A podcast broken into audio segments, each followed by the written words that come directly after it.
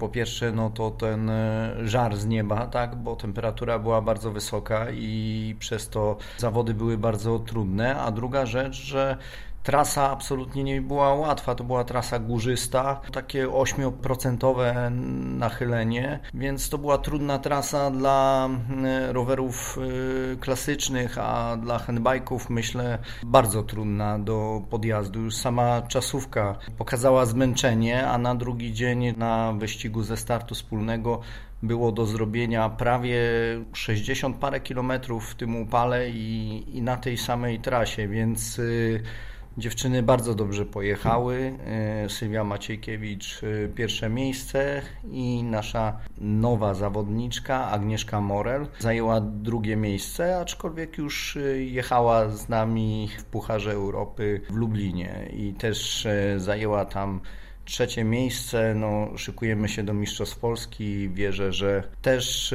dziewczyny będą miały wysokie lokaty ale też inni zawodnicy bardzo dobrze pojechali. Michał Urtnowski na handbajku bardzo dobrze pojechał, Piotr Pietrucha, Grażynka Kido, Marek Ciszyński. No ja wystartowałem osobiście tylko na, na czasówce, bo jednak po wyścigu jeszcze mnie czekało 7 godzin jazdy samochodem, więc odpuściłem. No jednak ta pogoda była zbyt uciążliwa.